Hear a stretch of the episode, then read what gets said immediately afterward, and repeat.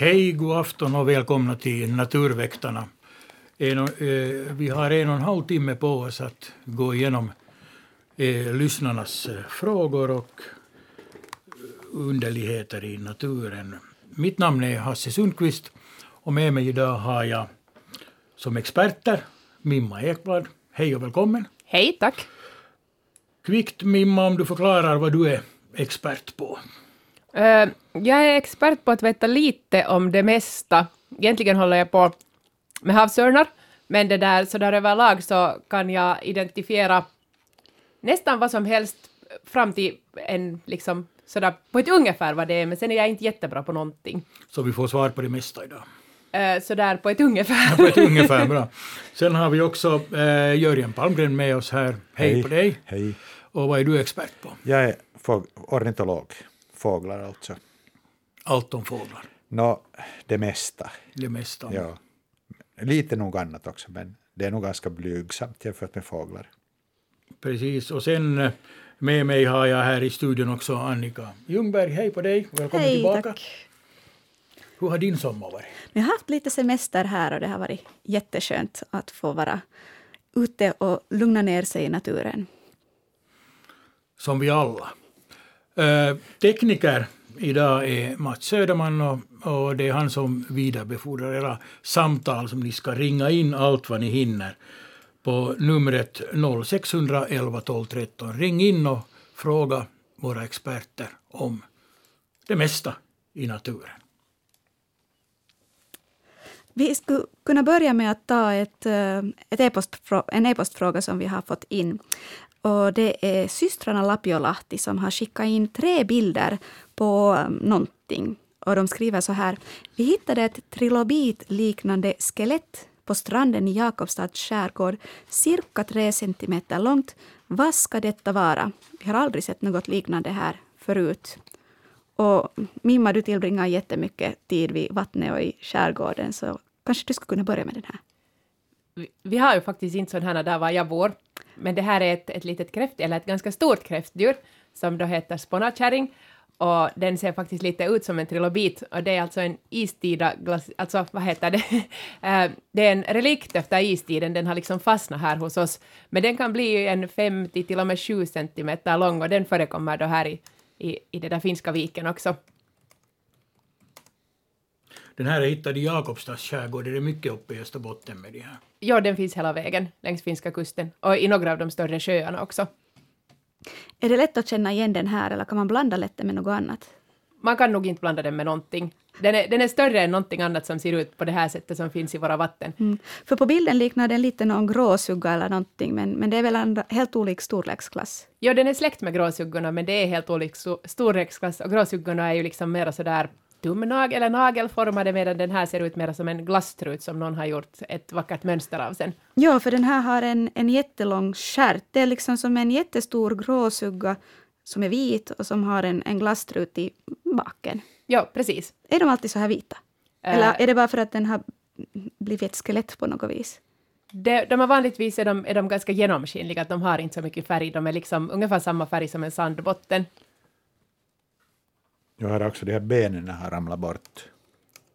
Eller så är de indragna där under. No, ja, där. Det, ja, det kan hända just det. Ja, där på den här högra bilden ser man. Om de, om de är vid liv så håller de ofta de där benen ut och då ser man dem. Men att den här bilden som har den liksom, där man ser magsidan av den så har den dragit in dem under magen.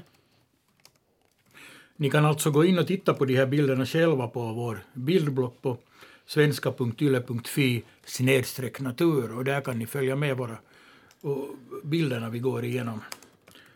Uh, har vi klarat av den här spånakärringen? Ja. Uh, har vi något samtal som börjar komma in i det här skedet ännu? Nej. Eh, Mats berättar att vi inte har det, så då fortsätter vi med bilder som har kommit in per e-post. Vi fortsätter med mystiska odjur eller djur från havet. Det är Niklas från Replot som har skickat in två bilder på någonting väldigt genomskinligt i vattnet och skriver så här. Denna nästan genomskinliga varelse på cirka fem centimeter simmade omkring vid en brygga som kom upp till ytan flera gånger. Bilderna är tagna uppifrån rakt ner i vattnet i Kvarkens skärgård. Vi undrar vad den ska bli när den blir stor. eh, när den var så pass stor redan. Ja, vad säger vi om det här? Man, man ser då genom den här genomskinliga varelsen att den har någonting som liknar en ryggrad, alltså måste vara ett ryggradsdjur. Och sen ser man att den har två stycken fenor och en, en bakstjärt, så det, så det måste vara någon form av fisk. Så det här är då alltså ett, ett fiskyngel av något slag, men längre än så kom vi väl inte. Nej, så är det. det alltså fiskyngel är krångliga att artbestämma. Jag, jag, jag, jag inbillar mig nog att ett fem cents fiskyngel så skulle man kunna klara av, men inte den här gången inte. Nej. Fiskyngel i alla fall. Ja, Så där på ett ungefär. På ett ungefär fiskyngel. Den ser ju märklig ut nog. Den, den, den ser ju ut som någonting som skulle kunna figurera i en uh, skiffy-film. till och med det. Ja. Vi har fått in ett, eh, eller vi har ett samtal på kommande här. Vi tar väl in det direkt. God afton, vem talar vi med? Det är Birgitta Ekström Söderlund i Hangö. Hej Birgitta ifrån Hej. Hangö. Vad har du på hjärtat? Jag, skulle vilja, jag har två frågor om insekter. Och det ena gäller renfana som du blommar mycket nu och har gjort en tid redan. Och i normala fall så tycker jag att alltid brukar det vara en hel massa sådana små svarta kryp upp mot blommorna. Men, det där, men nu sker det, finns det inga sådana.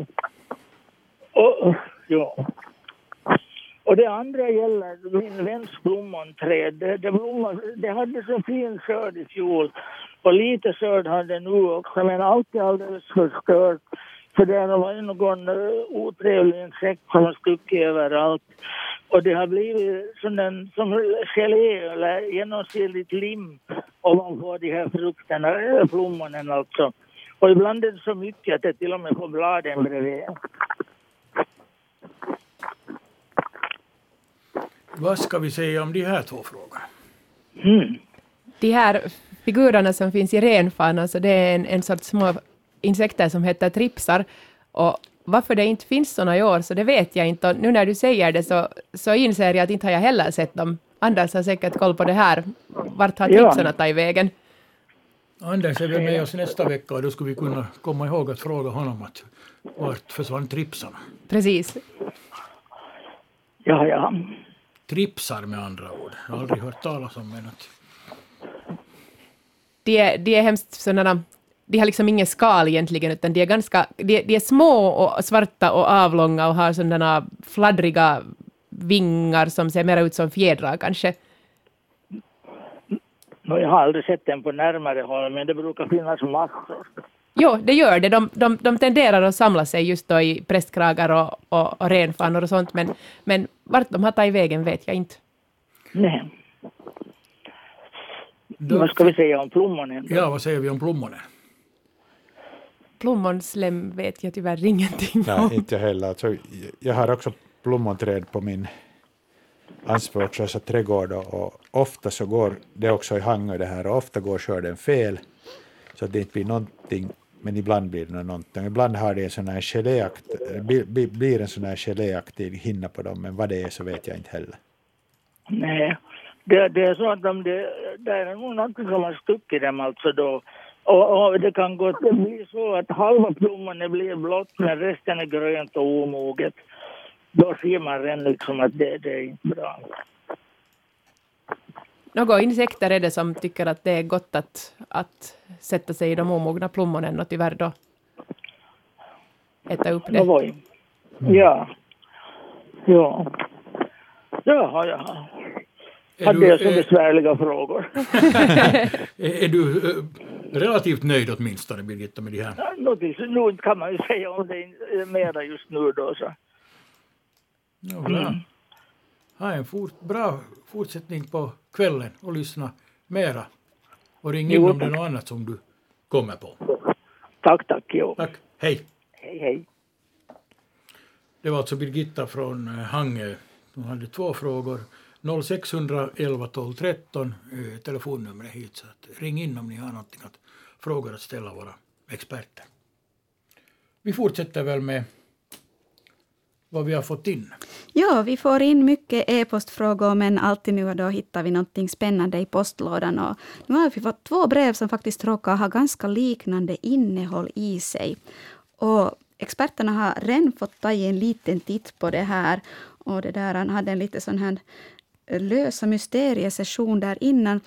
Det här mysterierna presenteras av Mikaela och Rickard. Mikaela skriver så här.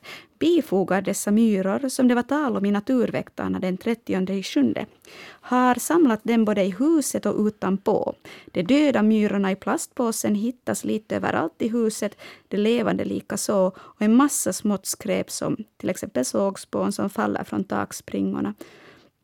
Och då under, undrar Mikaela vilka myror det var. Och då när Mikaela ringde in senast så talade hon ju en stund med Anders om att, om att det ska kunna vara stackmyror eller uh, hästmyror eller, eller någon annan myra. Vilken var den tredje alternativet, Mimma? Det var stubbmyra. Nu när du har sett dem här så har du kommit lite längre fram om, om du kan utesluta eller kröna någon till vinnare av de här arterna. No, en, en svartmyra eller något sånt som man vanligtvis har inomhus var det ju då alltså inte. Och den var nog alltså stackmyrsfärgad. Uh, så, så jag lutar mot stackmyra. Stubbmyran är jag inte bekant med, men att Anders ansåg att den var rödare och de bilder som då finns på nätet är till största delen rödare och röd är den inte, så den är nog alltså stackmyrsfärgad. Hästmyror är det inte heller för att de har en annan form på huvudet, de här är inte hästmyrsformade, så så jag tänker att det faktiskt skulle vara stackmyror, men vad de gör inomhus har jag ingen aning om. När jag tittar på dem så har de just den här svarta bakkroppen och ett, ett väldigt mörkt huvud och de är nog inte rödaktiga, men, men mitten är ju sån här brun och lite rödaktig som typiska stackmyror. Om den har den här färgen, finns det någon annan myra som det skulle kunna vara, liksom, om det på riktigt är tydligt svart, röd-svart? De, de bilder som då fanns på nätet över stubbmyran, så vissa av dem var också svarta på huvudet, liksom pannan var svart. Men sen var underdelen röd, så, att, så, så att eftersom jag inte känner till den här tillräckligt bra så vågar jag inte utesluta den. Mm, men vi kom fram till att det inte då är den här um, hästmyran. hästmyran, så det borde inte vara någon som ställer till med obehag inne i huset. Men å andra sidan, om de är inne i huset så har de ju så är det lite märkligt. Alltså det här är ett mysterium vi måste återkomma till. Det här är ett mysterium vi måste återkomma till. Det blir en följetong. ja. Hej, vi har också ett eh, brev från Rickard där han också skickar in eh, en fråga och undrar varför myrorna kommer in i huset. Och han har skickat in tre myror som eh, ser ganska likadana ut. Och de har säkert, det handlar säkert om samma art. Men, men de såg likadana ut. vi ska låta Anders titta på de här myrorna nästa vecka. Jag tror att vi har ett samtal igen på kommande. Jag tar in det. God afton. God afton, och, väl, god afton. och välkommen till Naturväktarna. Vem talar Tack vi så med? mycket. Och det var Gunvor från Jakobstad. Hej. Hej Gunvar. Vi har en villa i, vi är på en villa i Munsala på en holme. Och där finns en ganska stor ren, renkrona, ska vi säga, renhorn på, som är på, på villaväggen. Och vi har varit där i 60 år och ingen har rört den där kronan. Men nu i sommar så är det en ekorre som håller på att ska gnaga sönder den. Varför? Varför vill ekorren äta upp renhornen? Jag har själv upplevt lite samma. Jag har det där när jag rör mig i skog och mark så sam, samlar hjort, horn och sånt och ekorrarna tycker om att gnaga på det där. De får antagligen några mineraler från de där hornen. Kalk. Alltså Okej. ingen har rört en krona Ja. tidigare och det är på en holme. Ja. Så nu miss, den, vi, vi blir ju inte av med den där ekorren. Att vad ska jag göra? Jag försökte nu i, när vi var dit i veck, vi har inte varit, Ja. eh, liksom bott ut hela sommaren Ja. på två år. Så därför har den liksom nu, i år har den har vi märkt att den, och jag har inte sett tidigare på sommaren att den skulle ha ätit heller, men nu såg jag den när jag kom in, ner en morgon då jag var där så, så sprang den så här, det, där har vi busungen. Just det. Och Det det där- nu försökte jag sätta, jag hade inte något annat än terpentin som jag penslade över de där rören, men vad, benen, men vad ska Ja. man sätta dit för att inte den ska äta? Jag tror, man ska ju inte helst behandla det med kemikalier, utan jag kemikalier, jag skulle göra på det sättet att jag skulle skaffa ett finmaskigt eh, hönsnät och sätta det runt så att ekorren inte kommer åt det. Det, det är antagligen Ja, så den, det är på väggen, han far ju upp efter väggen. Jo, jo, Så det men alltså, rispo på väggen. ja, är det, det där möjligt att, att ta tillfälligt ner det därifrån? Nej. Okej. Det har nog, för det har nog varit där med, det, det har nog varit där kanske 75 år det där ja, hornet. ja. Så jag vill inte börja skruva ner det. Jag förstår det. Eh, Ja. nå, jag skulle i så fall göra så att jag skulle bygga någon slags, eh, någon slags liksom bur runt det där hornet. Runt hela. Ja, Men runt hela. Det, sin, det mister sin skönhet Jo, också. jo, men alltså det är ju tillfälligt för att det är antagligen så att när ja. du berättar att det har varit där tiotals år utan att Ja. en ekorre har, har, har- börjat antasta det eller gnaga på det Nu så, först, ja. så, så kan det vara att det är den här individen som nu har kommit Ja, underfund just med det ja. och det, det, det går ju inte Hur är det då om jag skulle försöka torka av den med stark ättika? Det, det kan jag inte säga. Det, ja, etika är ju liksom ett naturmedel. Det kan vara att det hjälper med det alldeles helt Ja, jag ska försöka det först för Ja. det blir någon nät, Ja, nätuppsättning där. Ja. Ja. Men ekorrar är ju hemskt smarta och när de har kommit på någonting så, så brukar människan Ja. komma tvåa. Ja. Och jag funderar först vad det, vad det är frågan om, för vi har haft måsar som har suttit på flaggstången och skrikit också Ja. de gånger vi har varit där. Ja. Sen kanske det är någon mås, men jag har inte sett någon, någon liksom mm, visitkort av dem. Nej, och de har Men, inte... men det där, då har jag ett, ett blombord där under och, Ja. och där är tre tomtar och det, två av de där tomtarna har varit omkull och ett litet blomvars. Så jag tänkte, men det är någon som, som det är nog någon som kommer nerifrån. Nej, de flyger inte direkt i, i hornen utan de, de far nog. Och så kom jag ner en morgon och så kom den springande och tänkte, jaha, här är den nu då den som...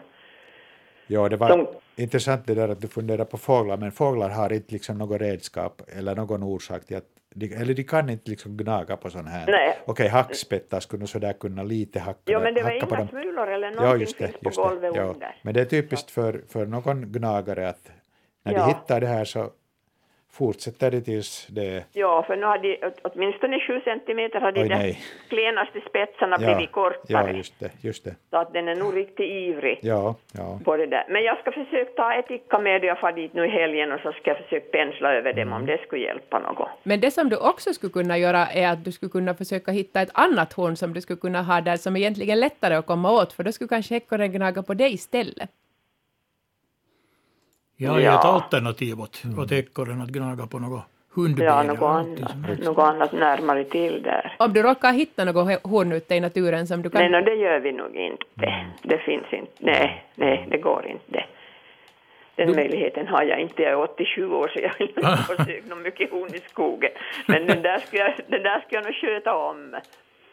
Men vi ska försöka sådär nu först pensla med etika får jag se om hur den beter sig. Och sen bygga en, en, en bur runt det tillfälligt. Jo, i så fall att, det. att inte Ja. något annat hjälper. Ja. Och om det Just finns någon, någon jägarförening i närheten så kanske de har älghorn eller något sånt på Ja, hösten. som- något, ek- ja, något överlopps. Ja. Mm.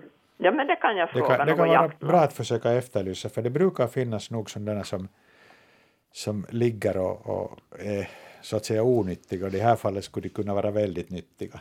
Ja, ja, precis det. Nej, men jag ska Mm. försöka fråga jak- jaktlagen där om de har något. Hitta ett alternativ så Ja, ekorren har precis att tugga på. Mm. Eller till och med, No, två, till och med två alternativ, om Ja. möjligt få. Så det, det, det, Tack. ja, Ja, tack för det då. Bra. Tack för det receptet. Tack så mycket Gunvor och, och trevlig fortsättning på kvällen. Ja, tack detsamma. Tack. Tack. Hej då. Hej. Hej.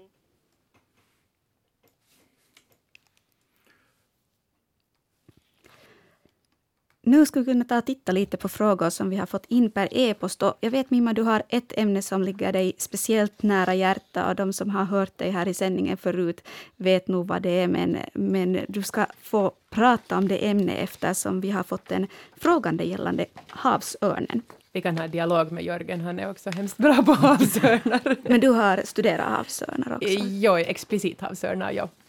Hur är det att studera havsörnar? Hur Det- gör man det? Det är helt jättefascinerande. Vi har samlat bytesrester, eller det finns sen, sen, sen 40 år tillbaka bytesrester och sen från olika ändar av Finland. Och, och, och, och, så, och, så liksom, och så har vi tittat var havsörnarna häckar och vad de äter beroende på var de häckar och, och faktiskt då hitta mönster i det. Och det är jättefascinerande att man kan sitta vid sin dator i Esbo och konstatera att, att för att de här havsörnsfjädrarna har innehållit så här mycket kvicksilver så vet vi att de havsörnar som har häckat närmare till exempel en viss bassäng i Lappland eh, har mera kvicksilver i sina fjädrar och det vill säga det måste finnas mera kvicksilver i den fast de i Lappland påstår att det inte finns det. Och det här kan jag helt enkelt genom att snurra siffror vid datorn få reda på. Men sen är det ju förstås roligt att gå ut i fält, eller det vill säga man måste ju få gå ut i fält också. Och det är också en stor del av den här forskningen. det mest spännande som jag har fått göra den här våren på havsörnsfronten var när jag blev tillfrågad om jag kunde komma med så där mycket extempore och kartera havsörnarna på Åland med, ha med helikopter. Och det var helt jätte, jättespännande. Två dagar var vi och körde över hela Åland, alla kända havsörnsbon för att kolla upp då häckningen eftersom eh, Grand Old Man inte, inte hade möjlighet att klättra i år. Och det var efter den där coronavåren när man hade suttit inlåst i tre månader så plötsligt fick man bara flyga över Åland, så det var nog väldigt, väldigt fint. Hur såg det ut i havsörnsboen? Har den häckningen lyckats? Nu har jag inte de siffrorna ännu, mm. men det där, det var nog inte något jättelovande resultat, det vill säga inte var det alltså något dåligt, men det var nog inte något toppenår heller, åtminstone då på Åland. Men så har det varit på Åland flera år när stammen är så pass tät så den brukar, eller det syns just när stammen blir tät för många fågelarter att, att det häcknings, eh, alltså ungproduktionen minskar i en sån situation. Det gör den, men sen ja. i Kvarken har det gått ganska bra för dem, okay, fast det är ganska det. tät ja, population där. Ja. Hur det där, hittar ni mycket nya bon? Uh, det hade vi egentligen inte möjlighet till, för ja. vi använde maximala tiden, men, men, några enstaka hittade vi där de, det gamla boet hade fallit och sen då hade byggt ett nytt där i närheten. Vackert så. Jepp. Mm. Ja, vi har ju haft inne i Helsingfors också ett havsörnsbo. Eller ja, jag vet, jag är jätteavundsjuk för de har aldrig lyckats i Esbo och jag bor i Esbo. Och de har försökt där i åtta år har de försökt och i år så misslyckades de igen för de försökte på en holme som var för väl bebodd, eller där, alltså en, en, en utfärdsholme. Det var för mycket folk helt enkelt. Och Helsingfors och Åbo, de, de kom samtidigt. De hade första häckningen 2017, både Helsingfors och Åbo. Och Esbo har fortfarande inte någon känd lyckad havsörnshäckning. Vi kommer att fortsätta här senare med den här havsörnsfrågan från Ulf och Carita, men vi har ett samtal på tråden som vi skulle kunna ta här emellan. Ja, god afton och välkommen till Naturväktarna. Ja, det var, var det jag. Nu får du tala, ja. Vem är det vi talar med? Jo, jag, jag körde med min taxichaufför genom Singsby idag. Singsby, ja. Här utanför Vasa. Och de har ju börjat, de bygger ju så mycket där. Och han har ju väl vuxit upp där i, i, i Singsby och så. Så sa han det, att det fanns så mycket ugglor där förr, om det var nattugglor eller eller, eller några andra, det visste han inte sådär. Men han, han, han bad mig fråga om ni vet om det finns nog mycket ugglor i de omnejderna, något mera. Var det alldeles den här, alltså den här sommarens eller den här vårens situation som ja, du var intresserad av? Ja, nu ja. Den här våren. Kan du, kan du skruva ner radion lite? Det går rundgång här. Ja, jag ska försöka få skruva ner radion.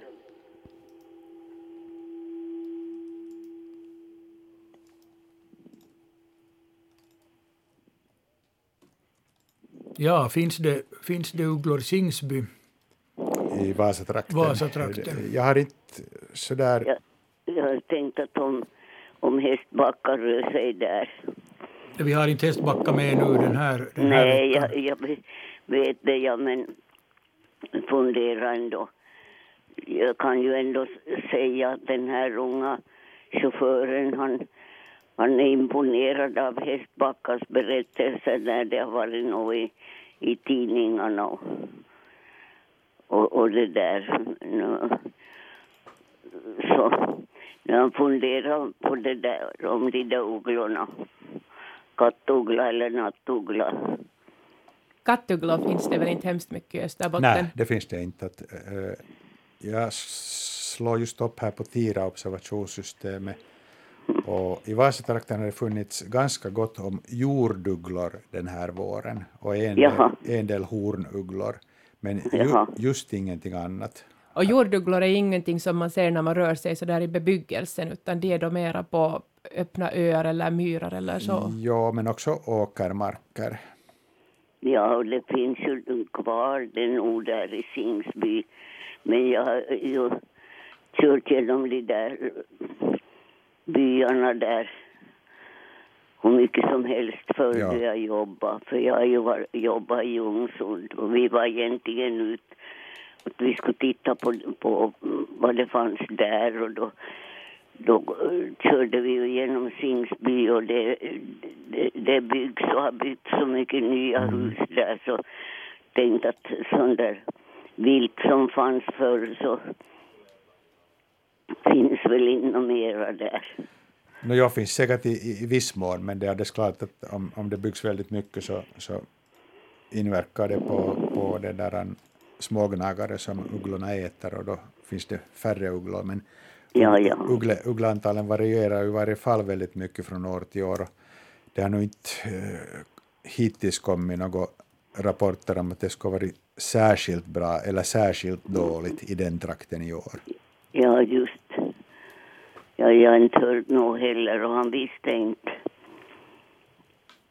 Så, men han, han har ju vuxit upp där så han visste att det fanns mycket ugglor förr. Ja, men alltså det där, en del, en del jordugglor och en del pärlugglor och en del hornugglor är det rapporterade i det där området, men inte Ja, något ja just jordugglor och pärlugglor och och hornugglor. hornugglor. Ja. Jag ska nog säga det i varje fall. Ja, just det. Bra. Berätta åt honom det att det... Och sen och de kan ju ha minskat i och för sig om de byggs, byggs ut där så de minskar. Jo, jo men det, det har ju byggts ut där så mycket så man känner igen, inte igen sig. Ja, precis. Men tack ska du ha för de här frågorna. Nå, Meddela taxichauffören så om, om de här tre ugglarterna. Som... Ja, ja. Tack, tack, Tack. ska du ha. Ja, hej. Hej. Nu kan vi återkomma till de här havsörnarna. Vi kommer till en fråga vi har fått in från Ulf och Carita. Eh, Och de skriver att de har en stuga på en ö i Nykarleby och fågellivet har ändrat under, eh, under de senaste åren jättemycket. De har ett havsörnsbo på cirka 3 till 400 meter från stugan. Och då har det många funderingar angående den här fjärilen. Eh, Eller fågeln kanske. Varifrån fick jag fjäril? bra, att Allitteration. ni är, bra att ni är alerta. Men det, där, det här skriver de. Minns bland annat skäggdoppingen väsnades något förskräckligt vid vår strand då. Nu syns nästan inga sjöfåglar utom tärnor och måsar. Förr såg vi också ofta fiskljusen men inte på senare år. Så efter 2004 då stugan köptes så har det ändrats mycket. Är det samma par som av havsörnar då antagligen som hela tiden bor i boet? Vart tar ungarna vägen? Bor de kvar i närheten? Eh, det är samma havsörnspar som bor där. De är hemskt eh, trogna sitt revir trogna, så de bor på samma ställe år efter år. De kan ha några olika bon på samma revir som de byter mellan, men det, det är liksom deras revir och, och that's it. Att enda som det ändrar är att om, om den ena föräldern dör, så då kan, det komma, då kan den andra ta sig en ny partner. Och sen om båda dör, så då blir reviret tomt och då kan det flytta in någon annan. Men så länge som någondera ur det där paret lever, så bor de kvar i samma bo. Och ungarna så de blir inte kvar på samma ställe utan de börjar röra sig omkring. Det finns sådana havsörnsungar som rör sig bara sådär en 300-400 kilometer på sina utfärder och så finns det sådana havsörnsungar som rör sig sådär liksom frekvent sådär en 10 000 kilometer per år och så här att det finns liksom sådana vandrare och sådana som är lite mindre vandrare. Men de tycker om att slå ihop sig till sådana här ligistgäng och det är de som man då ser ofta längs kusten om man ser 17 unga, alltså 17 havsörnar på ett ställe så är det antagligen just ett sånt här ligistgäng. Och de, det samma gänget kan då ses på Åland på förmiddagen och sen, sen i tvärminne på eftermiddagen för de flyttar nu sig enligt var det finns trevlig mat åt dem. Uh i, brevet, eller I meddelandet skrivs ännu att vi har alla år haft ett svanpar med sju ungar. Nu rörs det mycket mindre och hade fyra ungar tidigare men senaste helg helg såg vi bara en unge. Hade varit havsörnarna. Och även andra fåglar har minskat. havsörn, alltså svanar är lite stora för havsörnar, då när de är alldeles nykläckta så kan havsörnarna helt bra ta dem och de, de kan också bra ta en svanunge, men de här svanföräldrarna är så pass aggressiva så att det är inte jättemycket som havsörnarna äter svan. Det händer att de gör det, men, men det är inte deras favoritmat direkt. Men det försvinner ju nog, alltså till och med gäddor kan ju ta svanungar då när de är små. Sju ungar är jättemycket, så att om ett, ett svanpar har haft sju ungar flera år i rad så har det varit ett sånt där supersvanpar och det kan helt enkelt ha blivit lite gammalt och inte orka mera få Eller så, ungar. eller så är det att ena partnern har bytts ut och så blir ungproduktionen mindre. Det, det är helt möjligt också. På tal om gäddor så, så har barnbarnen kastat mycket vid stranden och alla gäddor de har dragit upp har skador. Är det andra gäddor eller havsörnen som orsakar det här? Kan, kan havsörnen ta på gäddor? Havsörnen tycker om gäddor. Gäddor är egentligen havsörnens favoritmat, men gäddorna har minskat hemskt mycket, så därför äter havsörnarna mera annat än gäddor nu för tiden. Men till exempel i Lappland så utgörs hälften av havsörnarnas föda av gädda. Och det finns gäddor som är jättestora och det finns havsörnar som försöker ta en gädda och misslyckas. De kan säkert ha spår efter dem, men det kan säkert vara också till exempel fiskljusen försöker också, kan också misslyckas att ta en gädda. Att, att det kan nog vara andra rovfåglar och det kan också vara andra fiskar. Och andra, det kan vara utter också som kanske kan försöka sig på gädda. Sälar kan försöka sig. Det finns många möjligheter. Du sa Mimma här att de bygger, de har ett revir, men så bygger de, kan de bygga många olika bon där, så de flyttar mellan de här boen. Varför, Ja. varför sysslar de med sånt? Många rovfåglar gör på det sättet. Det kan vara, dels så kan det vara störningar någonstans och så vill de flytta till ett annat ställe följande år för att det har liksom, om de har misslyckats några år i taget i ett, på ett ställe så känns det inte tryggt eller så om det är hemskt mycket eh, rörelse, till exempel om det är eh, mycket människor som rör sig runt deras gamla bo under vårvintern när de egentligen tänker börja häcka eller egentligen nog redan liksom januari, februari. Eh, så bygger de sig kanske ett nytt bo. Det kan de göra redan på hösten om de bestämmer sig för att flytta. Och, och ofta så liksom häckar de några år i ett bo, sen flyttar de till nästa bo, men sen kan de då flytta tillbaka till det gamla om det är bra, men ibland bara mörknar de, men det är ofta ett bra träd, så det händer att de bygger ett nytt bo sen i samma träd. Ja, så det kan nog duga det där boet som de har flyttat bort ifrån som var lite för, för där de har haft störningar och sen kommer de tillbaka dit sen då de till- tror att det är. Det kan de göra. Och sen undrar jag om de följer kanske efter också någon sorts, som de, inte vet jag, det året känner de att, att nu finns här mycket, nu vill de äta gädda det här året och det är ett bra gäddställe att fiska på, men det, det här är spekulation. Knepiga fåglar. Långlivade och smarta. Hej, det där, um, vi talar om, om hur stora fångster den här havsörnen kan ta. Att en, en stor svanunge kan redan bli för stor. Men hur är det med våra husdjur, till exempel små hundar och katter? Bör man akta sig om man har sådana? No, alltså teoretiskt sett så kan en havsörn ta en liten katt och en liten hund, men i praktiken så, är det, så gör den inte det. Det har hänt. Jag har ett bytesmaterial på 28 000 byten. Två av dem är katter, de är båda från 80-talet. Men huruvida de katterna har varit levande eller döda när de har tagits, det vet vi ju inte.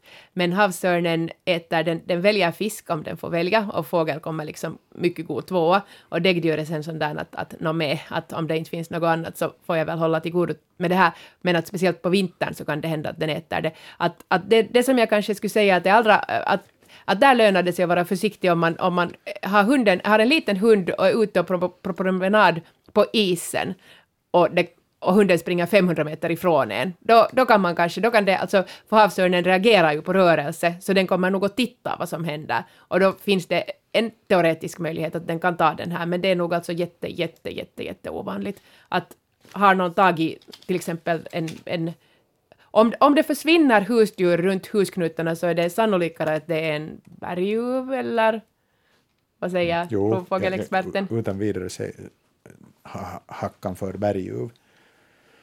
Det där.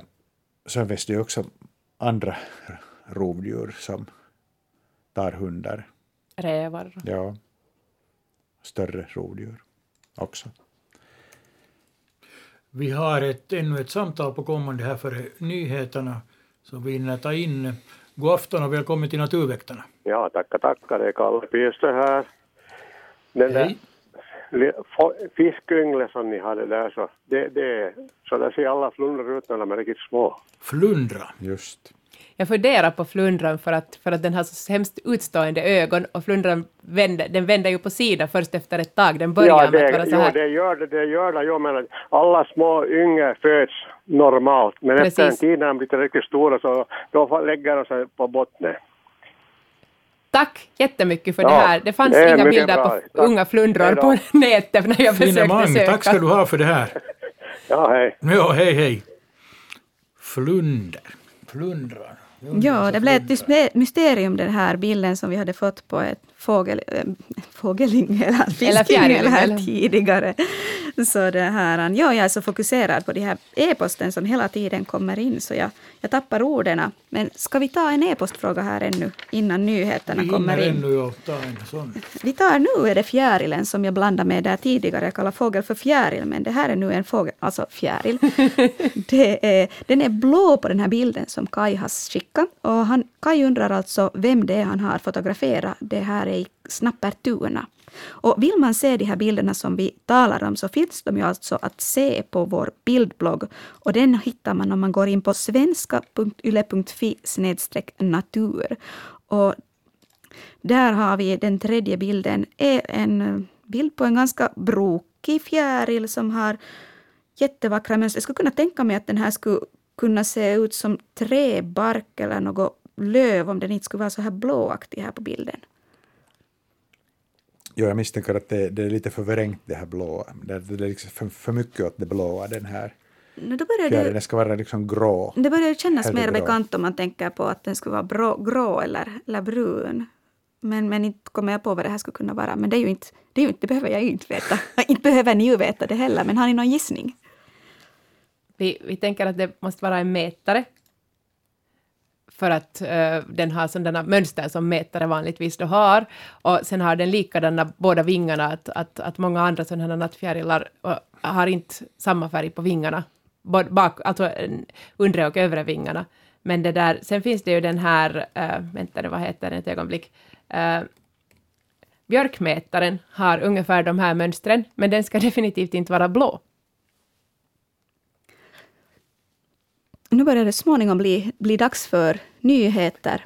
Vi kan filosofera vidare över eventuella höstmät, nej, björkmätare sen. Ja. Och efter nyheterna så återkommer vi.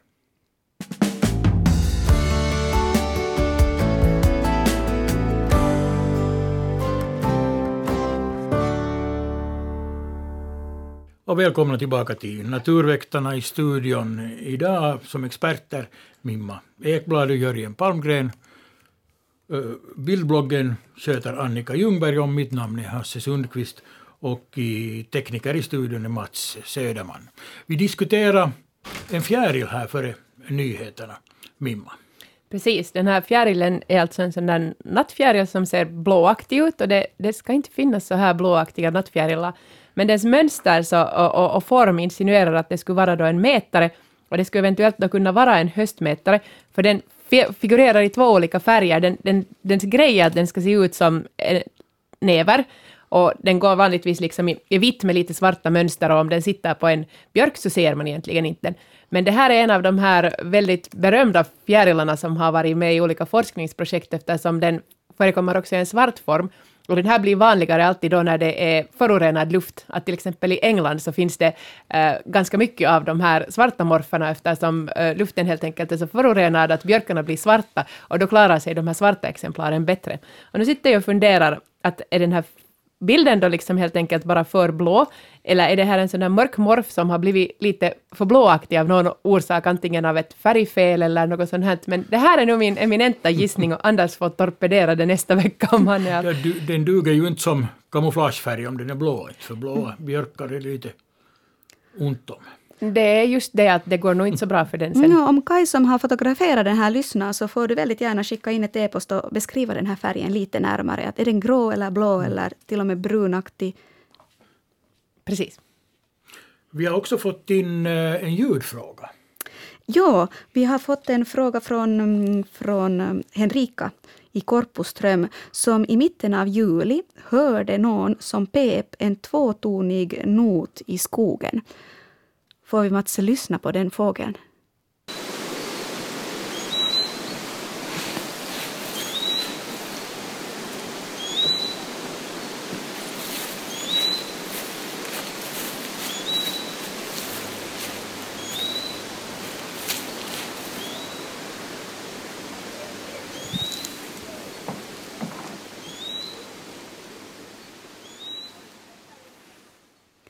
Det är roligt att se hur Jörgen först sitter väldigt koncentrerat och fundersamt och sen ser man han börjar nicka och ett leende sprider sig Ja. över läpparna. Har vi ett svar på den här Ja. frågan? No, jag har ett, en bra kandidat. Det, det lät kanske som en nyss utflugen grönsiska. Grönsiska. grönsiska. Utan vidare så är det någon av de här finkfåglarna. Det är klart. Och, och, och det där och mest liknar det grönsiska. Vad är det som är svårt med det här ljudet? No, det, det är svårt med det här ljudet att, att liksom många andra sådana här ljud som man hör på högsommaren så det är fåglar, fågelungar som just har flugit ut ur boet och de har sådana här ganska entoniga, ganska enkla ljud och de håller på med de här bara några dagar. Och det leder till att, att det, det, man kan säga att det är nästan omöjligt att behärska riktigt alla. Men ofta när man lyssnar ett sånt här ljud flera gånger så, så hittar man en sån här ton som är bekant och så kan det gå upp ett ljus och jag misstänker att grönsiska är det ljuset den här gången. Det är nu en liten tätting, häckar talrikt i vårt land så i princip så skulle man kunna få få tillräckligt övning att, att man skulle behärska alla de här, men tyvärr så glömmer man. Det, det kan vissa, vissa tillfällen, vissa arter kan det vara så att det kan vara 20 år emellan man hör dem. Men grönsiskan så hör man oftare, så att där, där, det, skulle, det skulle liksom nog vara möjligt att känna igen den så där på momangen, men jag håller för, för grönsiska. Om någon lyssnare har ett bättre förslag så tar vi tack, tacksamt emot det. Det hjälper tydligen att vara musikalisk som man ska komma Eh, ihåg. Det vet jag inte hur viktigt det är, men viktigt att öva mycket. Jag har ett sånt problem att jag har ett jättefotografiskt minne och det betyder att jag har jättesvårt att lära mig fågelljud eftersom jag kan inte placera dem i mitt fotografiska minne. Och sen, sen sitter jag och svär över alla de där pipankorna som jag bara inte kan lära mig. Du måste skriva upp dem som noter och memorera hur det ser ut. Eller koppla det till någon färg. Ja, eller något mönster. Det finns sån här färg och bildnoter. Du kan sätta dig in i det. Allt för att du ska lära dig ännu mer om olika arter. Men överhuvudtaget att, att, att, liksom att öva sig och lära sig ljud, det, fågelljud, det, det är krångligt och jobbigt. Man måste öva väldigt mycket. Men givande sen då man kan det. Nå jo, oftast, men ja. Det ger en ny dimension till tillvaron när man går någonstans och så plötsligt vet man att "Nå, där var en sån där och, och, och, och för andra är det bara liksom ett gytter. ja. På tal om, om flygande grejer som har spännande ljud så har vi nu inte ett ljudklipp på följande utan vi har ett fotografi som Jessica har skickat in men det är nu inte en fågel den här gången. Det är någon slags insekt. Jessica skriver att denna bjässe kom flygande med högt oljud. Den är stor som en tändsticksask, har aldrig sett något liknande i Finland. Bilden är tagen i Kristirnes stad. Och det vi ser på den här bilden om ni vill titta på den kan ni gå in på svenska.yle.fi natur så får ni se den här bilden och jag har själv tappat bort min bild bland- alla fönster jag har öppnat på min dator. Men det är alltså en stor insekt som är ganska, sva, ganska smal och lite sådär gråaktig och så vill jag minnas, alltså den hade långa antenner men jag vill minnas att de var de lite randiga de där antennerna. De är randiga. En, två, tre, fyra, fem, sex, åtta mörka tvärband. Eller var det tio? Nio. Okej. Det, det här är en, en skalbagge. Eh, man ser att den har de här täckvingarna. Den ser lite ut som en cigarr som någon skulle ha satt ett par täckvingar på.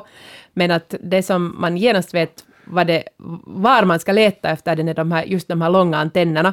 Och man ser, de flesta skallbaggar har inte så hemskt långa antenner, men den här gruppen av skallbaggar heter långhorningar, uttryckligen för att de har så långa horn.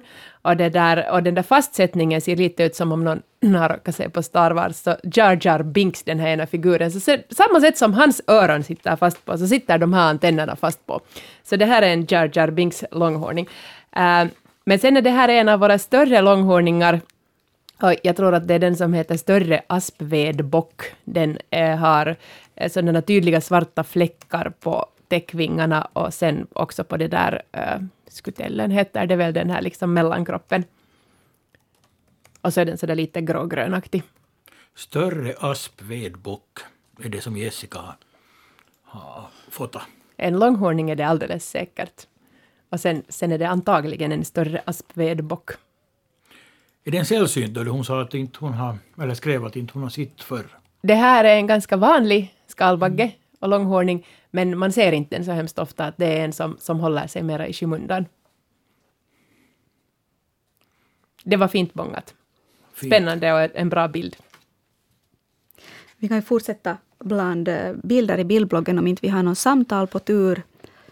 Martin eh, skakar på huvudet. Ursäkta Mats. Eh, jag, jag är känd ikväll för att blanda ihop fjärilar med fåglar och Martin och, och Ulf. Vi har ingen Ulf här i studion nu, men vi har, inte har vi en ödla heller i studion, annat än i bildformat. William, 14 år i Vasa, har skickat oss en bild, eller två bilder på en ödla. Och han säger att jag såg den här ödlan på vår villa. Vad är det för ödla? Den satt länge på en sten vid stugan och var orädd och var det för att den är ung och när han stampade så for den iväg. Har vi mycket olika ödlor i Finland?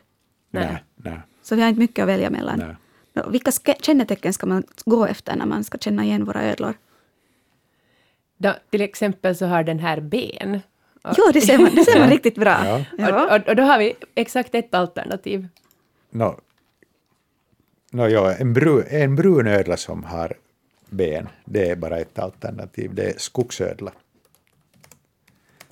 Där har vi svar då till William, att det är en skogsödla han har fotograferat på bilden. Mm, hur stora kan de här skogsödlorna bli? Det är svårt att se på den här stenen att hur stor den nu är. Jag skulle säga sådär, Som en handflata ungefär. Ja, ja.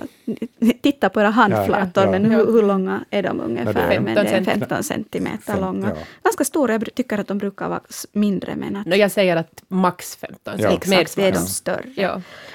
Um, nästa fråga vi skulle kunna ta från den här bildbloggen är, är, är en sån som får vänta en stund. Ja, vi har ett eh, samtal på gång här.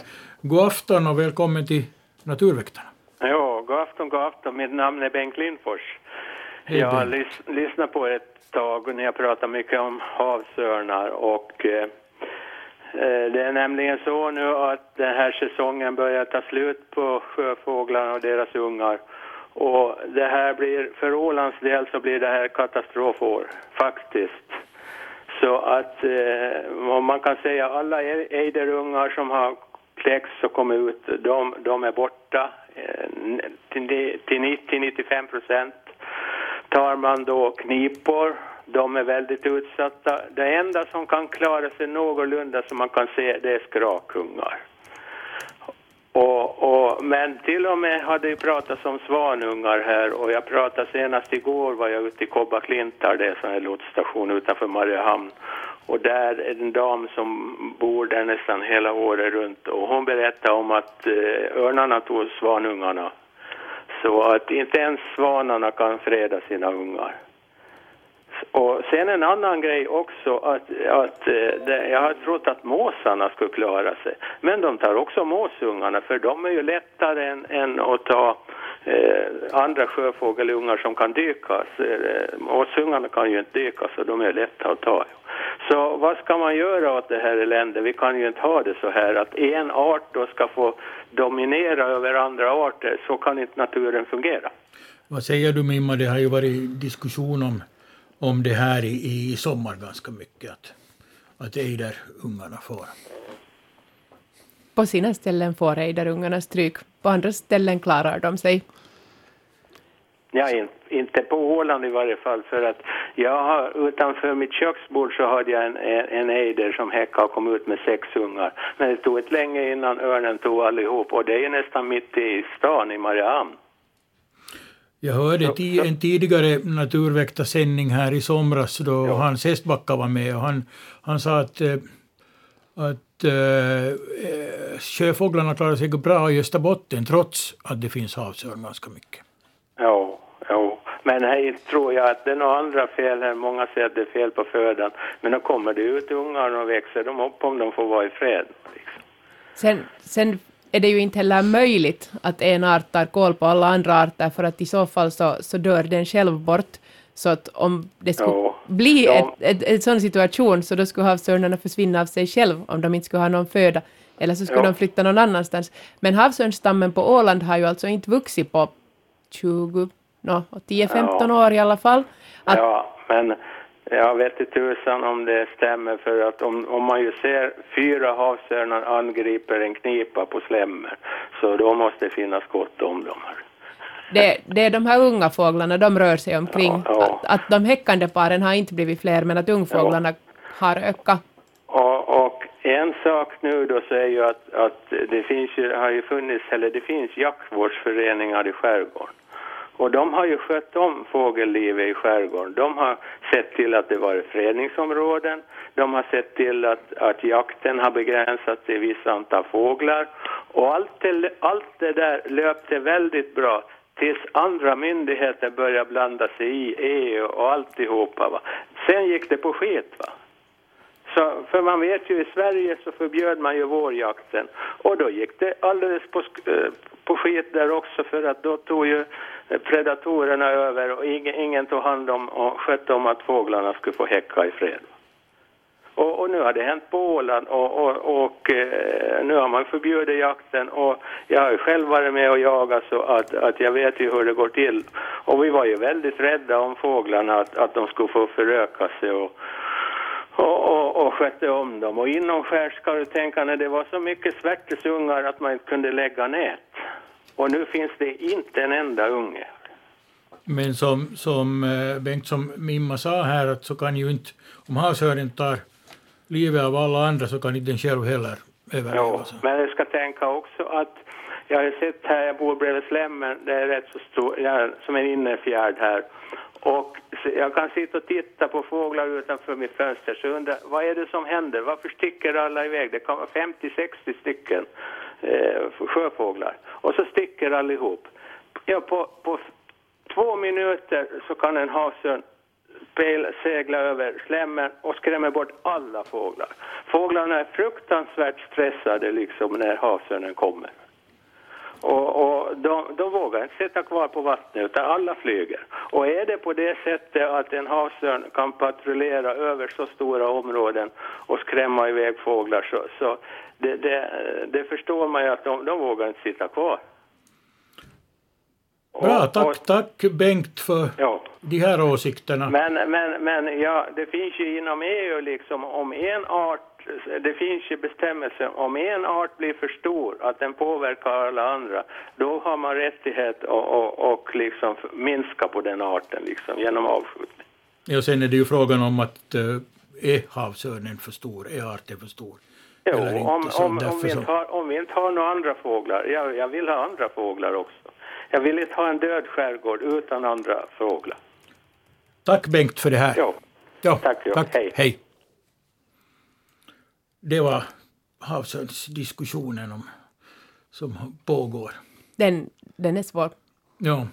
Ja, det är nog liksom väldigt tillspetsat.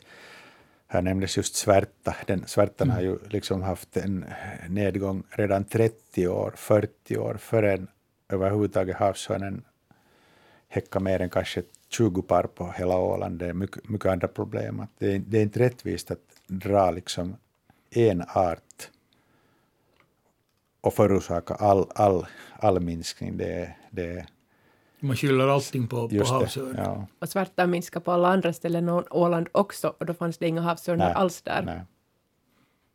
Men havsörnen drar förstås sitt strå till stacken jo, det för en, det för en det, det, population som ja. redan har det svårt. Ja.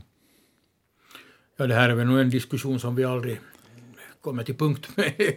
Nej, det finns olika åsikter det som, om det här. Att, Ja, det som det har varit i, i många diskussioner i sommar, så det, det klokaste är att, att bara vänta och se och, och kanske en klok åtgärd är att försöka minska vinterutfodringen av havsörnar. Alltså den, den är ju officiellt så är den ju slu, avslutad för, för tiotals år sedan, men det pågår på privat initiativ och det borde man kunna åtgärda. när är den Mimma-havsörnsstammen eh, tillräcklig? Vad är tillräckligt? Jag vet inte, jag frågar dig. Det gäller ju om man frågar människan eller havsörnen. Ofta Ja. det är det människan som vill säga vad som är tillräcklig. Vi har ju ingen aning om hur stor stammen skulle vara naturligt eftersom människan har utrotat alla havsörnar mer eller mindre sen människan har börjat räkna hur många fåglar det finns. Så, så vi vet inte vad det där så att säga normalläget skulle vara. Vi har ingen aning hur många havsörnar det skulle kunna finnas. Men ofta när det kommer in en, en art, alltså en, en ny, ett, ett nytt rovdjur någonstans där det inte har funnits tidigare eller har varit liksom borta från i tillräckligt länge för att vara så att säga ny, så, det där, så ökar populationen först ganska mycket, men sen när det inte mera finns tillräckligt med föda, så då minskar den igen och sen blir det ett sånt här äh, ekvilibrium. Men eftersom havsörnarna flyger så långa sträckor så är det också hemskt svårt att, att veta att, vad som händer. Och sen är det de här ligistgängen som du pratade om tidigare som är Sen är det Och ligistgängen. De, de tycker om att dra till Lappland också och, och, och nu så har ju rennäringen fått upp sina ögon för det. Bra, vi ska ta in ett, ett till samtal här. Välkommen till Naturväktarna. Ja, det är från Larsmo Elisabeth, hej. Hej Elisabeth. Hörde, jag håller helt med den som föregående från Åland. Mm. Att, Om havsörnen. För småfåglarna tar slut i Larsmo skärgård med det här havsörnen. Man hör på fem kilometers håll när sjöfåglarna börjar ge från sig ljud så kommer havsörn. Och på vintern kan man se på isen 10-15 stycken på ett ställe. På, på vintern så äter de de här fiskarna som fiskarna lämnar Ja. efter sig på isen. Mm. Men och på sommaren, det är besvärligt. Vi har en sommarstuga ute vid skärgården. och Det finns där mycket små där sjöfåglar tidigare, men de finns inte nu. men vi, vi, som vi pratade om tidigare här så kan man väl inte skylla allting på, på havsörnen. Nej. Eller? Nej, men man ser ju att de kommer att vad de söker efter. Det är klart vi har haft det här. Det mordhunden har vi ju haft och, och minken och förstås. Men, men nu är det besvärligt det här. För mycket er och runt i Österbotten och här. Bra, tack ska du ha Elisabeth för det här. Ja, Ha en Tack. trevlig fortsättning på kvällen. detsamma. Ja, hej. Mm. Hej. Så, här ska vi gå över till ett annat djurart. Ja, vi flyger vidare. Den här flyger nog, men det är inte en, en fågel, utan nu har vi en fladdermus. Helena såg en klättrande coronamus på väggen. Eh, vi tror det är en unge. Eh, hon undrar om det här alltså kan vara fråga om en nordfladdermus. Hon har skickat en bild på den här, eller faktiskt två bilder där vi ser fladdermusen. Om inte ni hittar den på bildbloggen så ska ni uppdatera sidan eller öppna sidan på nytt så dyker, upp, dyker den här lite färskare frågan upp på era skärmar. Men jag ska ju beskriva den här eftersom de flesta inte har en skärm att titta på. Det här är alltså en, en fladdermus som... Alltså jag är dålig på att uppskatta storlekar, men det är som eh, Helena skriver att den har jättestora öron. Hur stora fladdermöss har vi i Finland? Vad är den där storleksskalan? Mima visar ett storlek och Jörgen en annan. Det det- rör sig över 10 No, centimeter. det beror lite på hur man mäter. Alltså om, man, om, man, om man beaktar tar längden, alltså från nosspetsen till svansspetsen, så är det kanske sådär 5-10 centimeter. Så Vad det är storleksordningen. Vad skulle ni säga om den här? Hur stor den, är den? Hör den till den större eller mindre No, ändan? den hör till den där medelstora. Mm. Skulle det kunna vara en nordfladdermus Det är, nord, det är en nordisk fladdermus det här. Det, det är vår vanligaste fladdermus och den har alla kä- kännetecken för en nordisk fladdermus. Har sånt här eh, gulaktigt eh, färg, gul, gulfärgat fält på, på ryggsidan. som, som, är ganska, som en ganska lång päls och så Ja. har den, den, den har egentligen ganska små öron. Det Ja. finns många arter som har betydligt större Just. öron än så här. Men den har, den har då liksom svarta och runda och inte så hemskt långa öron och det är också typiskt för den här nordiska fladdermusen. Hur vanlig är den? Den finns i hela landet, väldigt fåtalig längst upp, upp i norr, men annars är den vår mest utspridda fladdermus. Är fladdermusen ett problem? Den, den äter inte sjöfåglar. Nej. Men på, på det då har det varit mycket om att sprida, sprida sjukdomar och, och, och sånt. De håller sig så pass ifrån människorna att inte, inte har vi haft några fladdermusrelaterade sjukdomar nu. Att avföring förstås, om de bor i någon skorsten så kan det komma av den här avföringen, men det är nu ungefär det enda och de har ju också minskat i antal så det är inte... Det är ingenting man behöver vara rädd för. Att, Nej. Men- fladdermus. En del, en del människor har nog haft problem med, med uh, fladdermus på vinden. På det sättet att om de har, har det där unga på vinden så får de väldigt mycket oväsen. Och, och, och det där, men det är ju ett, ett problem som pågår bara sommartid. Eller bara bara, det, det kan ändå vara liksom väldigt, väldigt besvärande nog. Och där är ju enda lösningen då att, att att man utanför den varma perioden så täpper till alla ingångar till, till den där vinden så, så slipper man fladdermusen. Det är ju ett spännande djur att se i skymningen då den flyger. Ja, Vi har fladdermöss i en, en oanvänd skorsten och jag älskar det. de bullrar inte alls, grannarna bygger och de bullrar mycket. Och jag, just. Ja. Det är bra att rel- relatera till, tycker grannarna. till annat som händer i Ja. omgivningen. Ja. Vi fick svar på fladdermusfrågan. Ska vi fortsätta med bildbloggen? Ja, vi har väl inget samtal på kommande. Ni kan ringa in till 0611 12 13 och ställa frågor till våra experter. Ja, då fortsätter vi med nästa fråga som har dykt upp i bildbloggen och det är en fiskfråga. Eva från Hittis skärgård har fått ett, en fisk i sitt nät och fick till och med flera stycken. Hon skriver att vi har inte sett den tidigare och inte heller fått den i näten. Verkar inte vara id och inte mört. Vi har kommit till att det kunde vara en noskarp. Är det möjligt? Den har mjukt skinn och ganska mjuka fäll och stor, rund nedåtliggande mun. Nämnas kan att vår sommargranne också har fått likadan i nätet och inte känt igen den. Vad ska vi säga om den här fisken? Vi kan väl säga att vi har, vi har fått tillfälle att studera den här, den här bilden lite, lite på förhand och har räknat hur många fjäll den har längs med sidolinjen och studerat fenor och, och jämfört med den information vi har och vi har kommit till att det är en vimba. Vimba. vimba. det är en uppenbar karpfisk för formen och, och det där färgen på fenorna och, och, och så vidare visar att det är en karpfisk. Men sen den här analfenan, den här bakersta fenan, så den har en så speciell form att, att den matchar bara vimban. Och du räknar också just det att det var 63 de här. De var ungefär 63. Här har vi räknat fjällen på fisken. Ja, just det. Men så, så måste man göra för att kunna, eller försöka bestämma mör, mört släktets fiskar. Och de, de, de är väldigt krångliga därför att det finns många arter och många av dem eh, korsar sig med varandra. Det finns olika typer av hybrider och de är, de är krångliga. Och är de här vanliga fiskar då, de här vimbarna? Nå, vimban är en, en vandrande fisk och den har nog det sådär allmänt taget ganska svårt. Den minskar. Vilken dens klassificering är för tillfället i den röda boken så det, det, det har jag inte.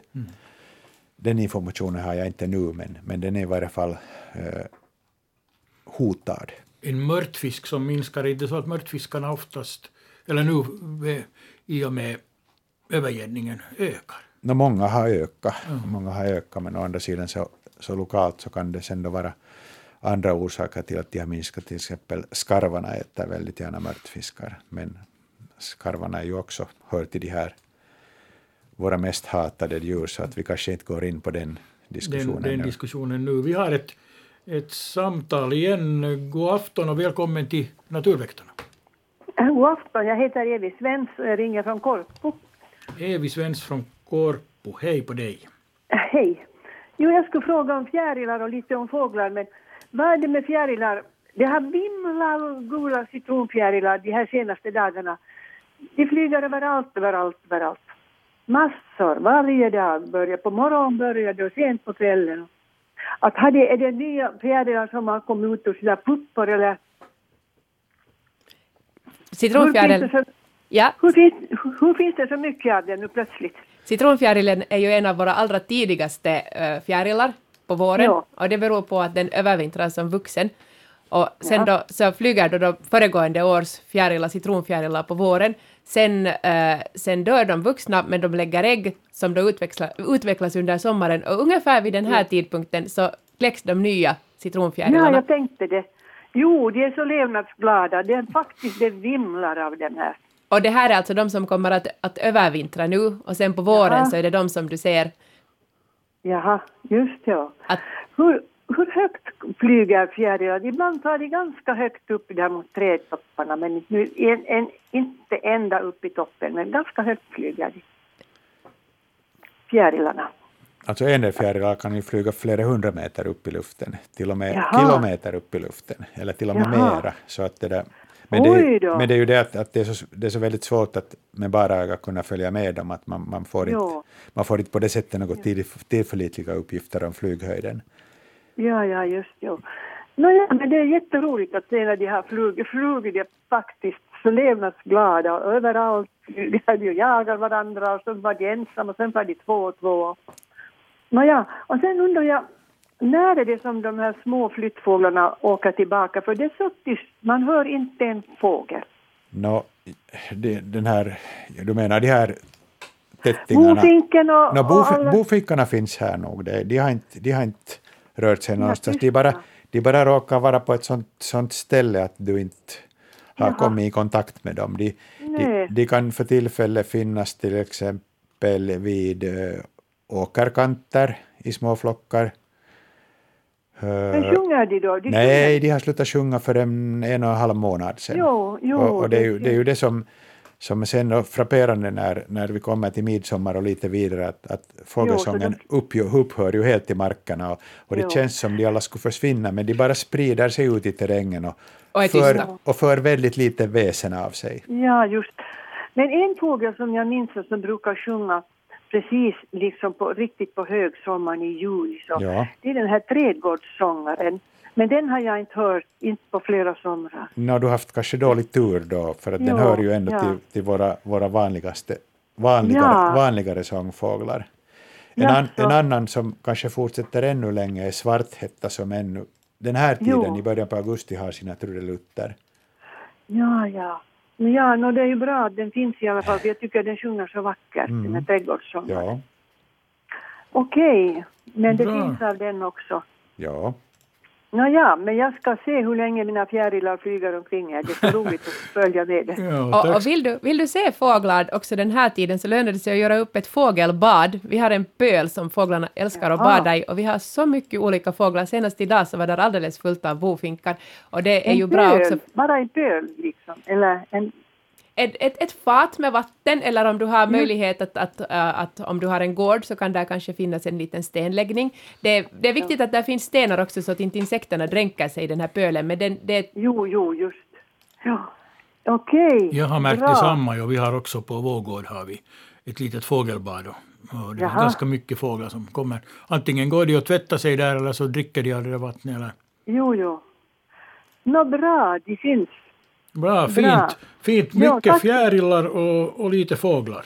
Tack Ja, Evi ja. för det här. Ha en trevlig mycket. fortsättning på kvällen. Tack detsamma. Hej. Ja, hej. Jag tror att vi har ett eh, till samtal på kommande. God afton och välkommen till Naturväktarna. Hallå? Nej, jag tror att... att eh, ring på nytt 0611 12 13. Spökar det? Jaha. Hej, vem, vem talar vi med? Hallå ja? Vi har ett samtal här nu. God afton och välkommen till Naturväktarna. Hallå ja? Vi har um, humle planterat runt en en Ursäkta, veranda. ursäkta, kan du skruva ner radion lite? och um, varje sommar äter någon, någon mask upp det här. Den är grön-gulaktig. För det hade då fallit några av de här maskarna i en vattentunna. Men om de inte, de här maskarna är på Humle så är de i trädgården på, på Riddarsporre. Så det är turvis eh, varje sommar på det här sättet. Så nu är det här humlen helt ute. Men det kommer nog nya skott igen. Att jag undrar vad man kan göra för det här. Vad är det för en... Hallå? Hallå, ja, hallå? Vi funderar här vad det kan vara för maskar som... Det, Ja. det, det är någon insektslarver, men, men jag vet inte vem som går på humle. Det måste jag googla. men men Ja. någon, någon insektlarv är det som äter upp dina, dina humlen. Jo, men hur kan man få, hur, hur kan man avliva dem? Eller vad är det något gift eller hur ska man göra? Eh, Nej, inte, inte, inte, inte sprider vi väl gift. Nej, det bästa är om man skulle veta vad, det, vad den har för naturliga fiender, till exempel några andra insekter som skulle äta upp den, eller kanske några fåglar. Och om det är några insekter så kan man försöka locka dem till sig, men, men eftersom jag inte vet vilken gröngulaktig larv det är frågan om så är det svårt att säga vilken. Hur är det nu? Jag kan då kanske, ja, om jag ännu får... Det börjar komma upp nya skott nog just nu, men om de där larvarna nu sen visar sig ännu i år, det kan jag inte säga, men jag kan ju skicka ett, ett, ett provrör dit och till, till radion. Ja, skicka. Eller ett fotografi. Ja, ett foto Ja. går ju också bra. Jo, ett foto skulle vara bra.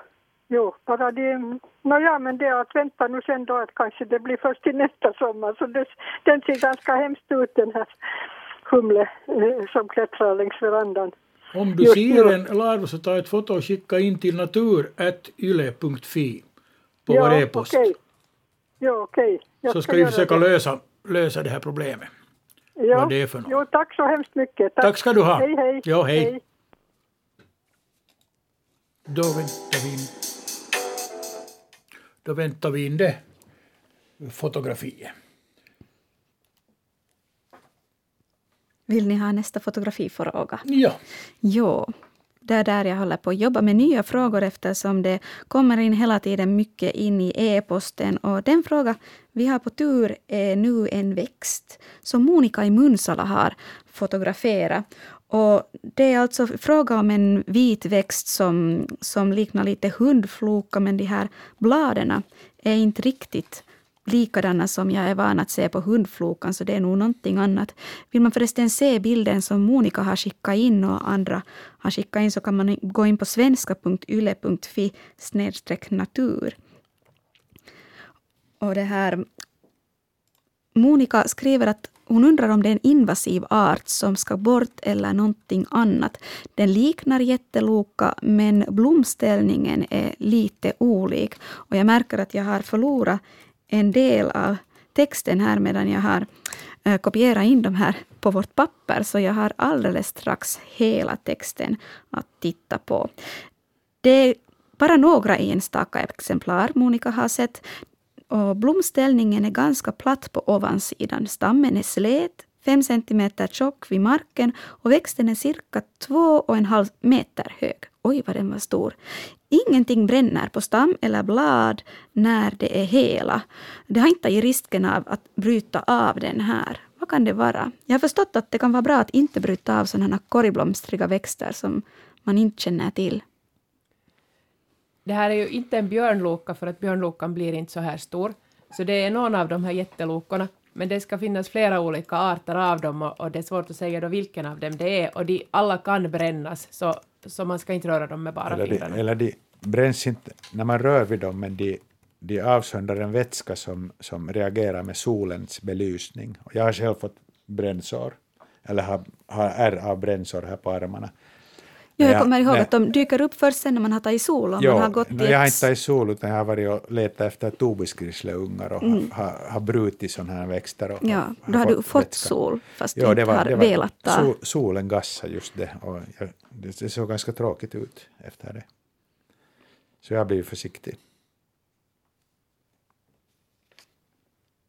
Precis. Eh, Vi har ett eh, samtal igen. God afton. Hallå, hallå! Hallå ja, du är med i det, här, det, Naturväktarna. här är, det här är Gulle Tärman som talar här från Venö, Hittis skärgård. Hej. Och, och jag har en fråga, nämligen om maneter. För det är ett otroligt klart vatten, jag har aldrig sett så här klart vatten här utanför. Och de här maneterna, är, det, det, det finns jättemycket av dem och de har funnits redan Eh, för en månad sedan. Och i allmänhet så kommer jag ihåg att de brukar komma när vattnet blir kallt på hösten i augusti-september. Och hur är det med de här maneterna? De, de det där, hur, hur, hur, hur förökar de sig och var finns de på vintern och hur kommer de alltid just på hösten? Den här tiden. Det finns stora maneter, det finns små, det finns ganska mycket av dem här nu. Så att det är frågan. Deras livscykel är sån att de, de på hösten så det där driver de inåt och, och dör ofta då. Och, och de förökar sig genom larver, men nu kommer jag inte ihåg manetens livscykel så här på rak arm exakt att, att är de bara ettåriga eller är de tvååriga. Jag, jag gissar att de är ettåriga. Men att, äh, men att larver gör de i alla fall som sen då flyter omkring i vattenströmmarna och först ser man då inte dem och sen utvecklas de sen till sådana här maneter. Jaha. Hur finns det samtidigt? Det finns jättesmå, alldeles sådana 3-4 centimeter och sen finns det ganska stora, sådana 10. Så de måste utvecklas i olika eh, skeden liksom. Det, de, de växer olika snabbt och sen har det också, tror jag, med näringen att göra att, att om de har fått mera näring så växer de snabbare och blir större. No, alltså de här, de här stora ljusrädda, då de här maneterna som flyter här omkring, så lägger de då larver på hösten som sen överlever, övervintrar. Måste de para sig på något sätt eller är de, eller hur förökar de sig? De, eh, jo, det, det är det där, de, de, de får ägg och om jag nu minns rätt med manet, manetens livscykel, den här som bor här, här hos oss, så, så är det då liksom som fiskarna, att det, det är då äh, inte något, frågan om några äh, eh, inre befruktningar, utan att det är liksom bara så att, att de lägger då spermier över äggen, och det där så äh, från de här äggen så utvecklas det sen då larver som sen då blir maneter. Men maneterna hör ju till de här äh, djurarterna som alltså de är ju släkt med till exempel de här hydrorna som växer på havsbottnen. Så att vissa, Ja. har, vissa, vissa har sådana levnadsstadier där de liksom turas om, så att vartannat levnadsstadie är sådana maneter och vartannat levnadsstadie växer som sådana hydror på havsbottnen som liksom knoppar av små maneter som sen flyter iväg. Men jag tror att den här, vår öronmanet inte har det här hydrostadiet överhuvudtaget, men jag svär inte på det. Herregud så spännande. Alltså det, det är ju faktiskt, här simmar vi och och det är otroligt klart vatten och så simmar man bland de här maneterna och de är sådana här små underverk. De, de är jättespännande. De här öronen är ju alltså deras förökningsorgan. De här Jaha. ljusröda grejerna som vanligtvis är fyra stycken, men ibland upp till sex stycken. Ja, ja. Men de har varit mycket tidiga i år. Är det för att det har varit kallt vatten eller? För att jag såg faktiskt en i början på juli, de där första här i... Det har varit så klart det här vattnet så man ser ju så jättefint. De här. Dels kan det väl hända att de syns bättre när det är klart vatten, men att de, de brukar faktiskt komma in först i... Jag vet inte varför de, varför de har det här året kommit så här tidigt.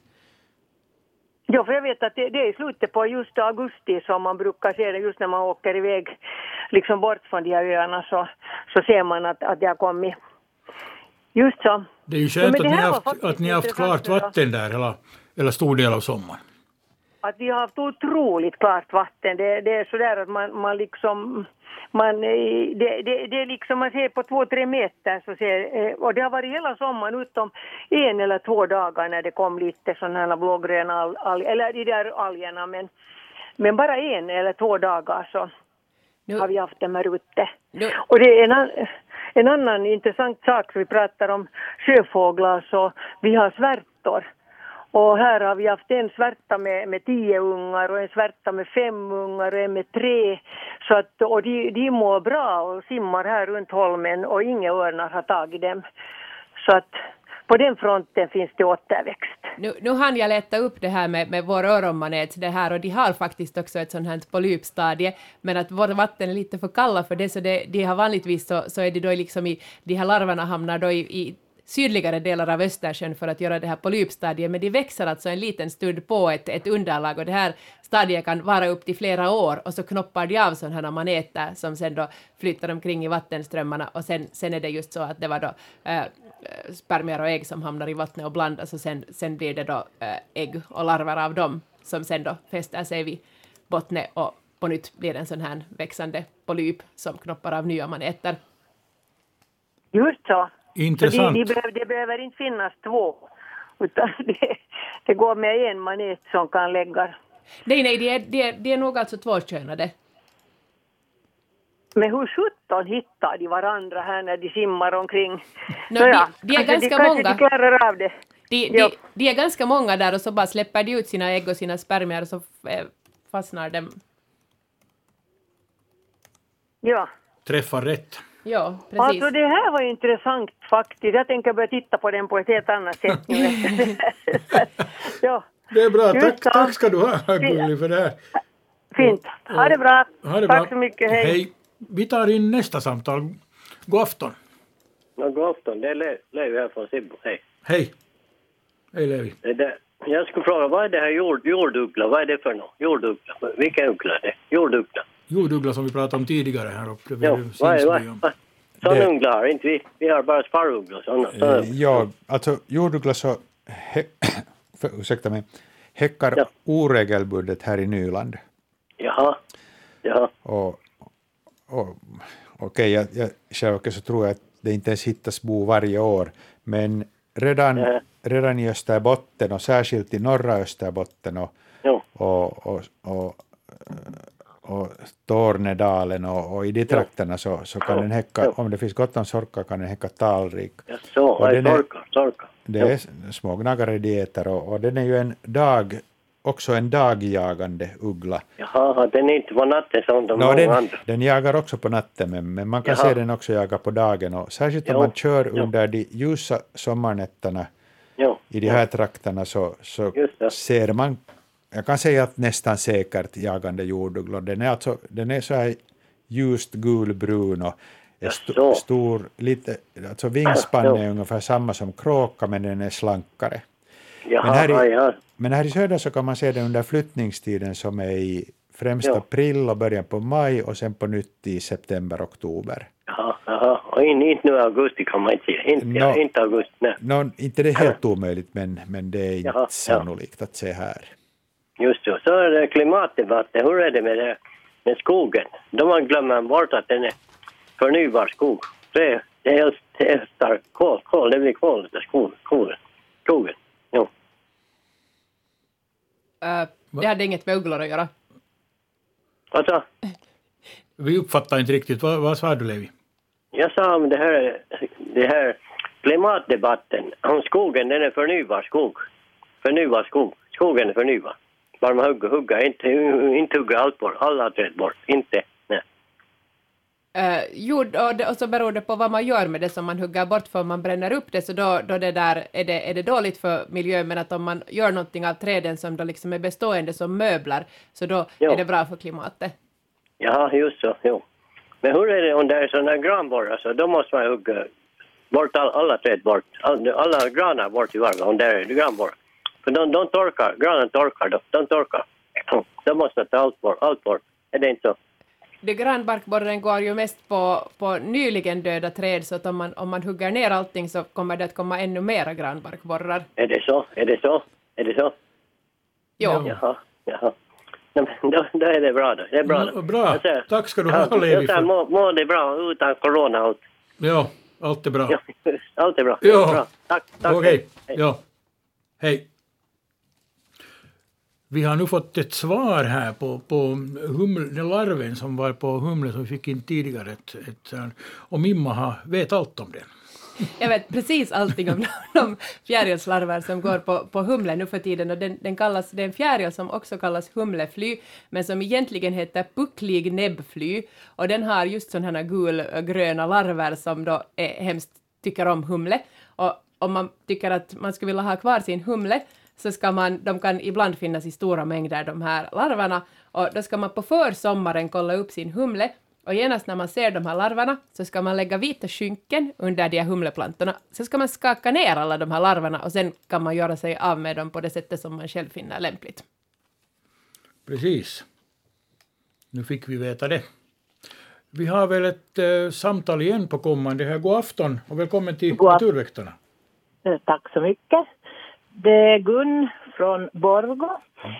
Eh, Jag har egentligen en fråga som, som inte riktigt dagsaktuell. Det var i början av sommaren, slutet på maj och början på juni. Jag är på somrarna i Jännarbyviken i, i västra Nyland. Och eh, jag har aldrig upplevt det förr, men i vattnet var det fullt med gröna klimpar. Jag, jag googlade på det och det kallades något, något plommon. Eh, men, men vad är det för slag? Alltså de, de var faktiskt plommonstora, eh, slemmiga geléklimpar av grön färg. Jag har varit hela mitt liv där på, på, på, på stugan och, och aldrig sett tidigare såna grejer. Vad är det? Vad är gröna klimpar? Och det var alltså Jännarbyviken som ju är en sötvatten Ja, en sötvatten. vik, Eh, eller av, avstängd havsvik som har Avstängd sötvatten. havsvik, Just det. precis. Har vi något svar på detta? På högt så tror jag att det är något alger. Bra Ja. förslag. men, men på högt kommer jag inte på något hemskt mycket mer än det. Uh, var de liksom, innehöll de luft? Var de som luftbubblor? Eller var de kompakta? Um, oh, nu frågar du svårt. Eh, ja, det fanns lite luft i dem. Ja, det har du rätt i. För, för det är antagligen det som får dem att flyta upp till ytan. Okej. Eh, om man fick upp dem på land så torkade de bort sen och blev bara liksom en sån här torr grön, vad ska jag nu kalla, Massa. massa ja. Så, som, och sen när det avdunstade så var det liksom ingenting, bara den här färgen ungefär kvar. Ja, det är nå- någonting som hör hemma i havet, antagligen är algbaserat och som antagligen innehåller luft av någon orsak och därför flyter upp till ytan. Men Närmare kommer vi kanske inte. Det var det ganska bra. Okej. Är du Gun Eh. nöjd med, med svaret? Mm, ja, no, Inte riktigt. delvis. Inte riktigt. Eh, det som man ju undrar är, är det, är det giftigt och, och var, varifrån då förstås kommer de då plötsligt? Har det något, är, är, betyder det att vattnet är dåligt eller att vattnet är bra eller allt det här? Men Mm. att det kanske ni inte kan svara på nu. ja, jag tror att det inte är giftigt, för de som är giftiga, så de är så små att de gör inte sådana här klimpar, att det är antagligen ingenting giftigt. Sen kan det ha någonting att göra med havsbottnens syresättning och den kan kanske då säga mer om sjö, just det, sjöbottnens syresättning. Eh, jag, tror att det är mera, jag tror att det är mera spännande än bra eller dåligt. Okej. Nåja. Men giftigt ska det i alla fall inte vara. No, men skönt. Ät nu inte upp det för allt i världen. No, men- nej, nej. nej. nej, men det fanns så pass mycket och det låg vid strandkanten också och man funderar ju. Började det lukta illa förresten?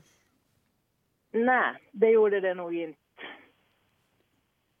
Så då var det inte ens, inte ens besvärligt på det sättet. Och då hade det antagligen inte hemskt mycket med något svavel att göra, vilket det skulle kunna ha sådär annars. Okej. Nej, det såg bara äckligt ut och, och ja. Och du har inte sett den förut, de här, de här plommorna? Nej, vi, vi har alltså aldrig sett det förut, aldrig något år. Men som sagt, jag, jag googlade på det och då, då hette det något, nå jag kommer inte ihåg nu, sjö, sjöplommon. Och det, det var svenska sidor att, att det kommer liksom när badsäsongen börjar ungefär. Men det här var tidigare tyckte jag. En koloni av cyanobakterier säger de att det som är sjöplommon är och helt of- ofarliga och inte jättevanliga. Okej. Och då var det spännande då att det dök upp i år. Ja, vi får, du får ju kolla in nästa år om det kommer Absolut. nya sjöplommor. Så tar du bild och skickar in till Naturväktarna. Yes, det ska jag göra. Fint! Tack Prima, ska du tack ha. ska ni ha. Ja, tack. Tack, hej. Hörni, om man vill se en sån här geléklump så kan man gå in på bildbloggen som vi hade det här den 18 i sjätte. Vi har nämligen alla gamla bildbloggsfrågor med svar i den här sidan svenska.yle.fi natur. Och Anders har då berättat om den här klumpen som är en koloni av cyanobakterier.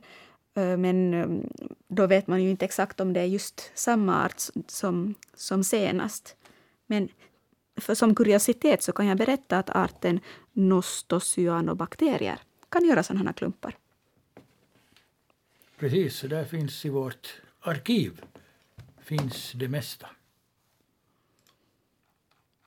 Har vi några flera e-postfrågor? då? E-postfrågor finns det ju, men det där, eh, alla hinner vi inte med. Men en som, som det där, en finns som jag har på, i kö här, men vi ska kunna ta det efter samtal. Ja, vi har fått in ett samtal igen här. Uh, god afton och välkommen till Naturväktarna. Hallå ja, Ni åt där då? det är du. Ja. Hör du, jag har en katt, har jag. Ja. Ja. Och, och han har hämtat fyra huggormar, har hämtat i min backa.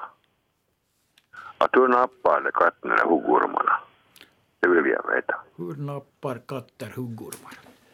Ja. Om man tar en huggorm precis bak nacken, Ja. så då kan man lyfta den utan att, att den kommer åt att bita dig. Mm. Det här är sånt som man inte ska pröva hemma.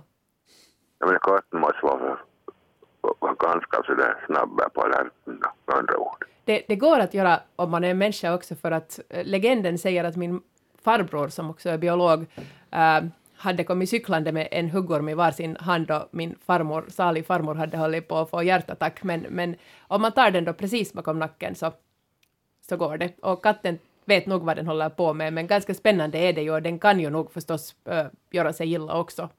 Ja. Ja, katten måste vara försiktig där nog. Huggormarna kan ju vara farliga. Men snabb Jo, jo, och, och, och bra katt har du.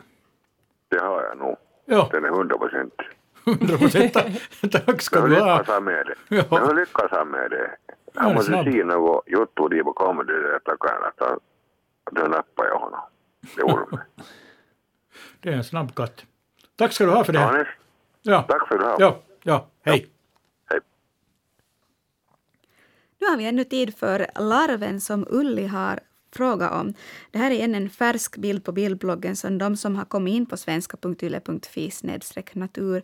Ni kan uppdatera bilden eh, eller sidan och då får man syn på en grön larv. Den är jättevacker. Den ser väldigt stor ut, säkert kanske större än mitt lillfinger. Och den har en, eh, en sån där mörk, pigg jag är jättedålig på att veta vilken är framända och bakända, men den har i ändan har den en svart pigg och sen har den ränder som går liksom snett längs med sidorna och ränderna består av en lila, ett lila streck och ett vitt streck som det finns nog över fem stycken av. Och den ser stor ut. Nu när jag tittar så är det där säkert bladet av en blå sippa och den här är dubbelt så lång. Så vad, ska vi närma oss 10 centimeter, vad tror ni?